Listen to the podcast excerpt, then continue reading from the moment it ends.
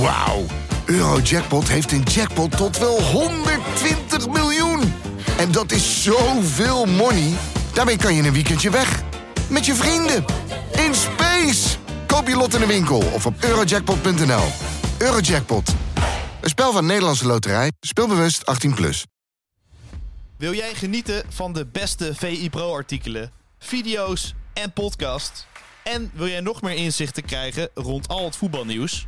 Word dan nu lid van VI Pro. Voor exclusieve podcasts, tactische analyses, interviews met spelers en financiële inzichten. Ga nu naar vi.nl slash zsmpro voor de scherpste aanbieding.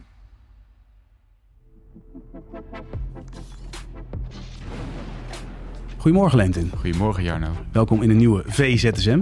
Dank Waarin we het gaan hebben over Fortuna Sittard. Want eigenlijk sinds de post van Burak Yilmaz is er heel veel gebeurd in Limburg. Ja, kan je kort toelichten ja, wat de laatste stand van zaken is? Ja, eh, even terug. Eh, ze speelden natuurlijk zondagavond Ja. tegen Groningen. Gewonnen, mooie wedstrijd. Maar ehm, wel wat gedoe rond de Burak Yilmaz die flink werd uitgefloten. En s'avonds, eh later op de avond, eh, zagen we ineens een post op Instagram... waarin hij eigenlijk ehm, nou ja, bijna een soort van afscheid nam. Eh, het Fortuna-publiek eh, bedankte en zei... nou ja, liet doorschemeren, het is wel mooi geweest. En eh, toen is onze collega Geert-Jan Jacobs is daar ingedoken. Ja. Van, wat is daar nou precies aan de hand?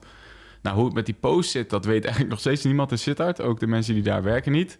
Ehm, maar er is inmiddels wel duidelijk dat er veel meer aan de hand is. In die zin dat er eh, problemen zijn ehm, rond de overname van Fortuna. Die al een tijdje loopt. Maar ehm, er wordt nog onderzoek naar gedaan.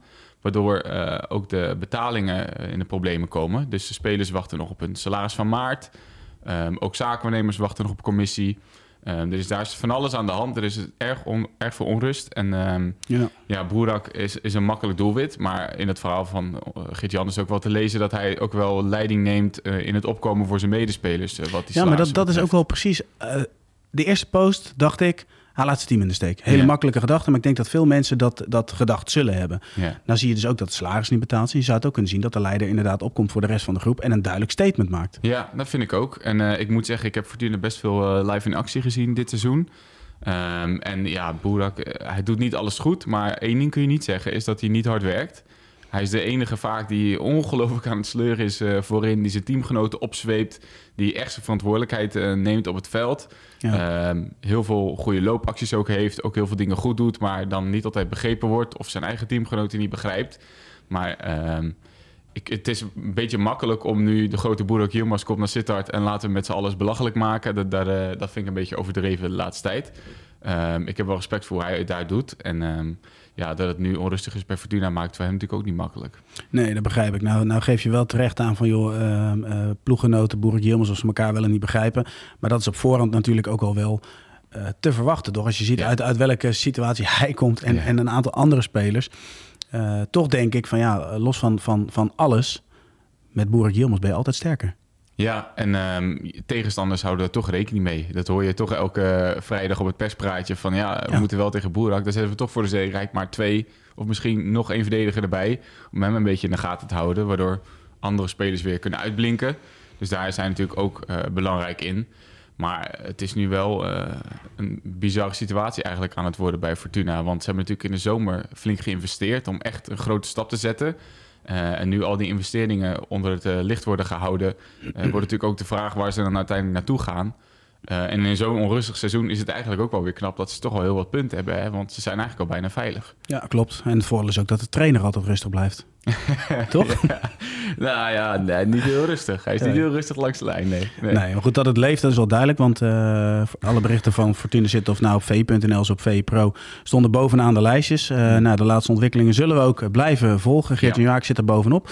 Dan gaan wij naar het volgende item. En dat is eh, ja, eigenlijk de situatie Lionel Messi... die de fluitconcerten beu zou zijn volgens L'Equipe. En eh, ja, inzet op een vertrek. Ja.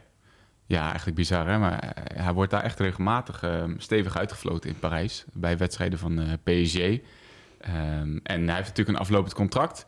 Voor het WK leek eigenlijk eh, al een kan en kruiken dat hij zou verlengen. Ja, er werd ook al heel hard gemeld in Spanje, in Frankrijk. Er was volgens mij een mondeling akkoord over een eh, verlenging tot 24. Er zat volgens mij ook een optie in zijn contract. Ehm, maar nu lijkt dat toch wel steeds meer van de baan te raken.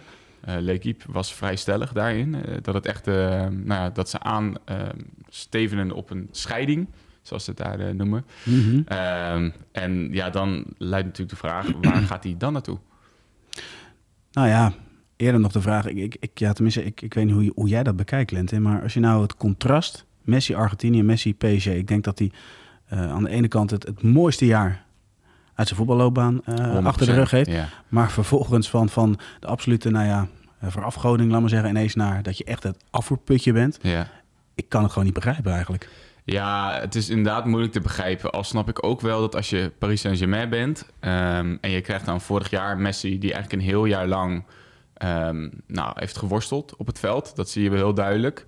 Eh, je hebt ook een speelstijl die ehm, af en toe wel te wensen overlaat. Je hebt... Messi is natuurlijk ook niet meer de speler die eh 100 meter terugsprint... om achter de linksback aan te gaan. Dan heb je met Mbappé en Neymar heb je er nog twee van. Dus dat is natuurlijk wel een van de redenen waarom PSG elke keer strandt in, in de Champions League. Ehm, en nu is het seizoen eigenlijk alweer een paar maanden van tevoren klaar. Eh, je, bent, je ligt uit de Champions League. Nou, kampioen, dat gaat toch wel lukken. Ehm, en ik snap die frustratie wel bij de supporters. En dan richt je je op de enige speler op het veld die de hele tijd aan het shocken is. Ja, dat is dan Lionel Messi. Dat is een Ja, maar als je de laatste jaren gewoon een beetje het buitenlandse voetbal volgt. En, en zij kijken ook wel naar het voetbal in Spanje, denk ik, in die Ja. periode. Eh, dat doet hij natuurlijk al een tijdje en dan kiest hij voor zijn momenten. Dus ik, ik vind het zelf wel heel lastig. Want ik ben eh, met mijn zoontje bij een wedstrijd van Paris Saint-Germain geweest vorig Ja. jaar. En ik vind het toch wel raar dat je, dat je eh, een van de, nee, de grootste voetballer aller tijden, dat je daar zo mee omgaat. Maar dat was toen ook al dat hij werd Ja, dat was toen ook al, ja. Ja. ja. Ja, er is deze een groep in Frankrijk die, die wel een beetje klaar is met zijn ehm, ja, houding tussen aanhalingstekens eh, op het veld. Eh, misschien ook wel buiten het veld. Eh, kijk, bij Barcelona was zijn clubliefde altijd onderwerp van gesprek. Ja. En misschien voelen ze in Parijs ook wel dat hij iets minder binding met die club heeft. Ehm, maar ik snap hem ook wel. Hij is in de laatste jaren van zijn loopbaan. Hij wil nog genieten van het spel. Want zometeen stop je en dan is het helemaal afgelopen. Ehm, en om dan nu week in week uit daar in Parc de Prince te gaan spelen, uitgefloten te worden en ook niet eens meer om de prijzen Europese spelen. Ja, dan snap ik wel dat hij eh, op een gegeven moment denkt aan een vertrek. ja, absoluut. En waar zie jij hem dan het liefst naartoe gaan? Ehm, Dat is misschien wel een hele simpele vraag. hè? nou, dat is, ik zie hem eigenlijk het liefst niet naar Barcelona gaan. Wat zeg je nou, Lente? Ja, omdat het. ehm, ehm, hij is nu in een fase van zijn loopbaan dat de verwachtingen zo bizar hoog zijn. En ik denk dat dat ook niet meer, dat hij die niet meer waar kan maken. Hij is op Bas- bij Barcelona vertrokken op, nou ja, misschien niet een hoogtepunt, maar in elk geval in een fase van zijn loopbaan waarin hij nog echt elke week top was. En ik denk als hij nu terug zou komen, ehm, dat het wel heel snel kan gaan tegenvallen. Dus ja, moet je dan die hele erfenis die hij in Camp Nou heeft ehm, op het spel gaan zetten om daar nog een jaar of twee jaar te gaan spelen? Ja, ik weet het niet. Ik vind de andere kant dat je... Hij heeft op een gegeven moment zijn laatste wedstrijd gespeeld... zonder dat hij, zijn omgeving en de fans daar weet van hadden. Ja, Dat vind ik ook heel pijnlijk. Ja, dat is natuurlijk extreem pijnlijk. Dat hele vertrek was eh, voor iedereen pijnlijk. Daar heeft hij ook eh, veel tranen om gelaten. Daar is van Barcelona veel over gezegd. Ja, Volgens mij willen ze hem ook wel graag terug hebben. Maar dat betekent ook dat ze volgens mij vier of vijf spelers weg moeten doen. Om dat puur qua salaris eh, al voor elkaar te krijgen. Ehm, dus het is een hele operatie waar eigenlijk een hele selectie op schop moet om Messi binnen te halen. En ja, dan kan je het bijna al niet meer goed doen. En dat zou toch zonde zijn als hij daar ook weer eh, nog een teleurstellend seizoen beleeft. dat ben ik weer met je eens. Hey, zullen we even kort nog twee eh, onderwerpen bespreken? Justin Kluivert was gisteravond trefzeker. Nam een penalty met bravoer. Met is bravoure, alweer een ja. ja, maar is toch wel mooi. We Ja. zien wel weer de laatste weken echt wel weer glimp. Hij heeft ook in het elftal van de week van Soleil mag staan een aantal weken geleden. Dat is eigenlijk nog mooier dan die goal. Nou, dat is eigenlijk een, het begin weer van iets moois. haalbare. Ja. ja. Maar het gaat wel weer wat beter met hem. Ja. Dat is wel weer fijn om te zien. Nee, zeker. En eh, hij voelt zich daar goed. Eh, Valencia is natuurlijk een prachtige club, grote historie, geweldig stadion. En ehm, Ja. ja, hij, hij floreert daar. Hij had ook nog wel een aantal eerdere momenten in de wedstrijd. Een bal tegen de paal, een paar keer dat hij er dichtbij was. Ehm, dus het is wel leuk om hem te volgen. Of hij nou aan de linkerkant of aan de rechterkant staat. Hij is altijd dreigend. Eh, natuurlijk veel diepte, veel snelheid.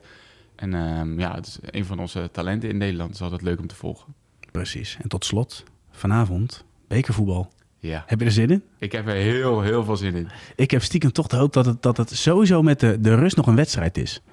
Ja, Dat je Ja. echt zo'n tweede helft vol spanning ingaat van... gaat hier een stunt plaatsvinden, ja of nee? Maar dat het niet... Het moet niet snel beslist zijn. Nee, want we hebben het over het Spa Spakenburg PSV. Oh, ik, En denk, ik ging ervan uit dat de eh, luisteraars dat al wisten. maar ja, eh, goed dat je toch even meldt. zijn goed op de hoogte, zeker. Ja. Maar het kan natuurlijk spoken op de Westmaat. Dat weten we allemaal. Zeker. Chris mij- de Graaf heeft hier duidelijk uitleg gegeven. Die video moet je trouwens terugkijken. en ik denk dat hij een, een, eh, een plan heeft gemaakt voor PSV. Dat denk ik ook. Hij zei, ehm, ik zag dat hij zei 2% kans tegen PSV vanavond. Nou, dat is toch, dat is toch een kansje. Ja, maar als je goed naar hem gekeken hebt, dan gelooft hij, dan gaat hij wel vol voor die 2%. Hij gaat het maximale uit die 2% eh gaat hij halen. Ja, 100%. Maar het is ook, ehm, volgens mij hebben ze 6300 kaarten verkocht. Eh, veel fanatieke supporters. Ehm, PSV komt daar op bezoek. Ja, kijk, je hebt eerst Groningen uitgeschakeld. Dan ga je een stapje omhoog. Dan pak je FC Utrecht in de Galgenwaard. Met aardige cijfers. Met aardige cijfers. Ja, de volgende stap is, eh, PSV. En dan hebben we de grootste bekerstunt in de hele historie van het KVB bekertoernooi te pakken.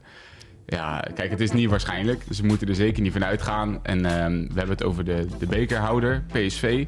Dat afgelopen weekend nog overtuigend heeft gewonnen van NEC. Dus we moeten er misschien niet verwachten dat er een stunt komt. Maar eh, het is in elk geval leuk om die eerste helft te kijken. En wat jij zegt, als het spannend blijft, dan komen er natuurlijk wel eh, andere krachten los. Ja, precies.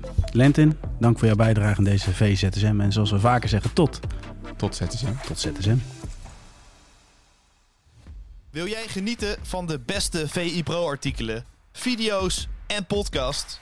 En wil jij nog meer inzichten krijgen rond al het voetbalnieuws? Word dan nu lid van VI Pro. Voor exclusieve podcasts, tactische analyses, interviews met spelers en financiële inzichten. Ga nu naar vi.nl slash zsmpro voor de scherpste aanbieding.